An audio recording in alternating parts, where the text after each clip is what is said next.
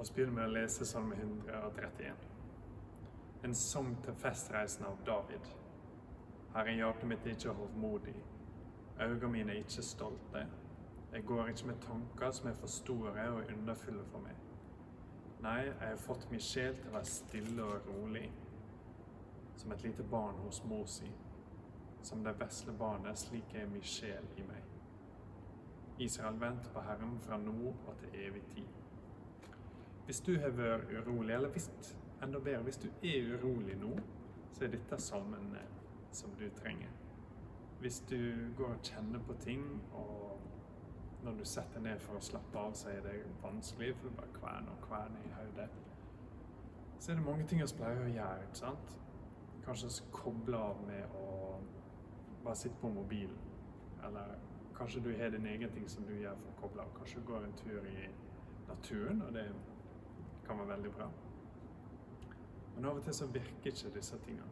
Av og til så fortsatt det stille på innsida bare med å endre omstendighetene våre, eller prøve å fikse det på den vanlige måten.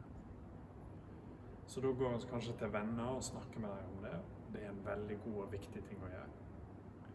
Men når til og med det ikke virker, så har vi denne salmen som vi kan eh, prøve å lære oss.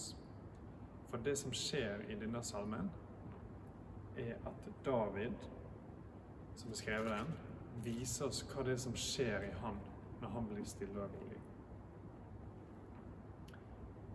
Det virker egentlig ikke helt sånn første gang du leser den, sant? For han virker nesten som han skryter. Han sier 'Å, herre, hjertet mitt er ikke hovmodig'.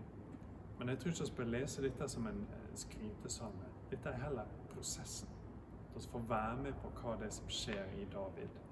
Hva det er som skjer i Jesus når han eh, er rolig. Så her er på en måte oss live inne ifra tankene i hjertet til David, som vi også ser i Jesus, og som vi forhåpentligvis også kan se i oss sjøl. Hva er det som skjer i den personen som er stille og rolig, sjøl om det stormer? Det siste David skriver, er nøkkelen til det hele. Han sier Israel, som på en måte er Guds folk. I Det gamle testamentet så er Israel en etnisk gruppe. sant? Da er det Guds folk som er i Guds land, som er i Israel. I Det nye testamentet så er Israel blitt ei anna gruppe. Nå er det Guds kirke. Så Guds folk skal vente på Herren, sier David. Vente på Herren fra nå og til evig tid. Og Det er nok kanskje det siste du tenker på når du er urolig. At å, nå skal jeg sette meg ned og vente. Men jeg kjenner på så mange ting, og det er vanskelig å bare slappe av. Med meg så er det iallfall sånn at jeg begynner å makke. Jeg begynner å surfe på mobilen, jeg begynner å kave med et eller annet. Så sier David, vent på Herren. Ikke alene, men i lag med hele Guds folk, i lag med kirka di. Vent på Herren. Og det han mener, er at vi trenger ikke å fikse alt sjøl. Vi kan se til Gud og forvente at han kommer til å ordne det. Så hva det nå enn er som kaver oss opp og gjør oss urolig, så kan vi begynne en prosess fra nå og til evig tid med tillitsfull venting på Gud. At oss lene oss på ham når det er et eller annet. Og så sier han at han har fått sin sjel til å være stille og rolig. Så gir han et eksempel med et lite barn hos mor si. At det er få ting som er så avslappa som en unge som virkelig roer seg ned med mora si. Så han tenker på det av David som har skrevet dette. Og så sammenligner han sin sjel med det. Så avslappa er det blitt inni meg. Så stille er det blitt sånn som en unge som ligger og sover og slapper av. Som det vesle barnet, slik er min sjel meg. Og det er nå det vi vil. At det ikke skal være masse støy og kaos og rot på innsida. Men skal være stille. Måten det skjer i Han, og måten det kan skje i oss på, er denne her ventinga. Hvordan blir det stille inni oss? Og det er for det som venter på Gud altså, tillitsfull venting og setter på en måte ting litt på pause. Ikke at vi alltid skal sitte i sofaen og at det ikke skal skje noe. Men at det her ekstreme kaos inni oss kan roe seg ned. Vi trenger ikke å bare skru ned volumet på det engang. Det kan forsvinne.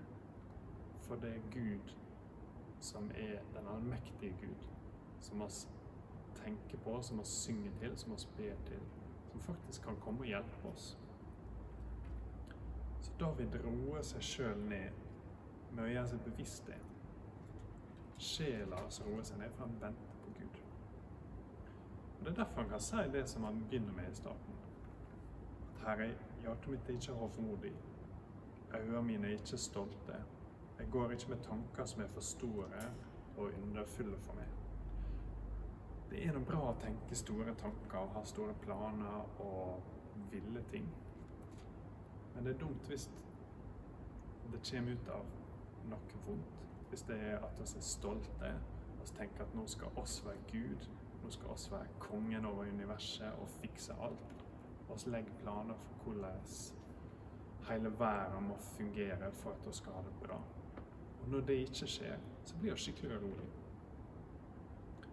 David har på en måte på en eller annen måte klart å legge litt vekk det. Det er ikke han som skal være kongen over universet, men han kjenner kongen over universet. David er ikke så stolt lenger, for han veit hvem det er som har kontroll. Så han trenger ikke å være så håndmodig. Han trenger ikke å gå rundt med stolte øyne. Jeg kjenner skikkelig lyst på dette. Jeg vet ikke hva det er som gjør dere urolige. Det kan være korona, eller det kan være dine egne personlige ting. Det kan være ting med skolen, eller med familie. Eller det er 10 000 ting som kan gjøre oss urolige. Her er det en nøkkel for hvordan vi kan bli rolig. Det er ikke mange ting som kan gjøre oss rolig på denne måten. Opprinnelig så var dette for lenge, lenge siden skrevet som en sang som Guds folk sang når de gikk til tempelet for å møte Gud. Og som jeg nevnte i stad, så ser vi masse av Jesus også her. For Jesus er prega av ei ro som nesten er litt vanskelig å forstå, med tanke på hvor store ting han skulle gjøre. Han skulle komme og frelse verden.